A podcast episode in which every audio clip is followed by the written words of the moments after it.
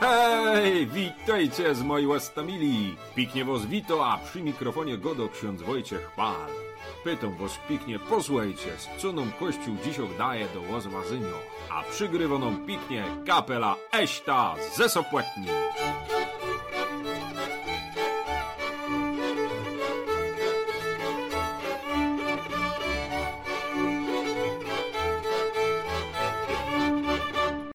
Dzisiaj, moi łastomili, na tą 31. niedzielę podle roku poczytamy sobie Ewangelio od świętego Mateusza. To będzie początek 23 rozdziału. Potem zaś będzie gotka o tym, jako babka Maryna do niewiedzy się przyznała. No i na koniec to jest moje rozważanie. Pięknie was zapraszam. Posłuchajmy sobie, co w Ewangelii dziś czytamy. Jezus przemówił do tłumów i do swoich uczniów tymi słowami. Na katedrze Mojżesza zasiedli uczeni w piśmie i faryzeusze. Czyńcie więc i zachowujcie wszystko, co wam polecą, lecz uczynków ich nie naśladujcie. Mówią bowiem, ale sami nie czynią.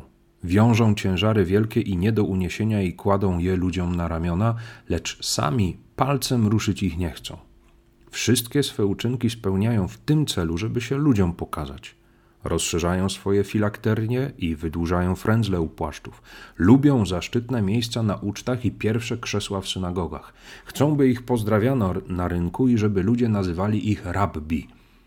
A wy nie pozwalajcie nazywać się rabbi, albowiem jeden jest wasz nauczyciel, a wy wszyscy jesteście braćmi. Nikogo też na ziemi nie nazywajcie waszym ojcem. Jeden bowiem jest ojciec wasz, ten w niebie. Nie chciejcie również, żeby was nazywano mistrzami, bo jeden jest tylko wasz mistrz, Chrystus. Największy z was niech będzie waszym sługą. Kto się wywyższa, będzie poniżony, a kto się poniża, będzie wywyższony.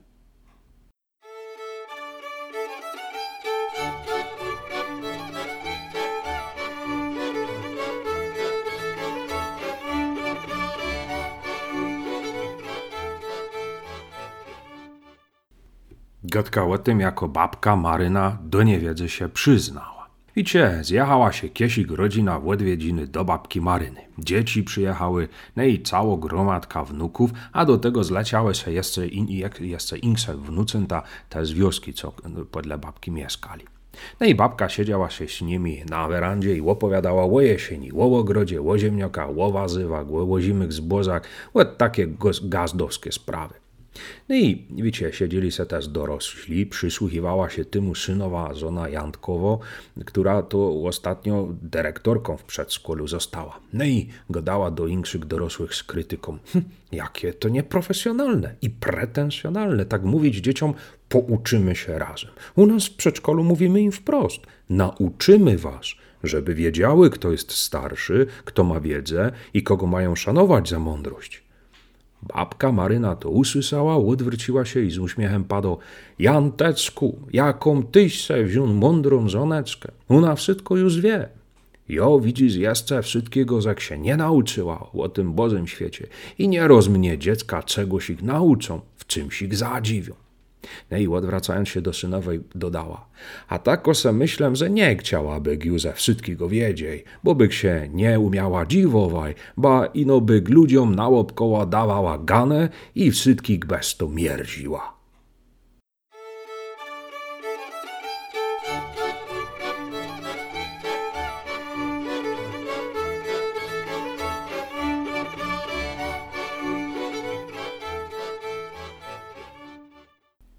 Ten fragment świetnie nadaje się do rachunku sumienia w kwestii pychy.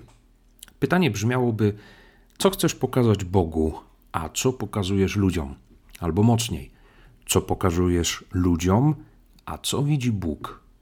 Jeśli między tymi dwoma kwestiami, bycie przed Bogiem i bycie przed ludźmi, jest rozpadlina, przepaść albo sprzeczność, to należy się martwić.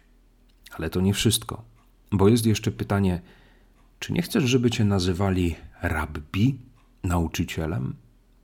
Jeśli uważasz, że potrafisz znakomicie nauczyć innych, jak być dobrym, jak zdobyć niebo, to należy się martwić. Jeśli zaś uważasz, że potrafisz nauczyć ludzi lepiej niż Jezus, to za późno, żeby się martwić.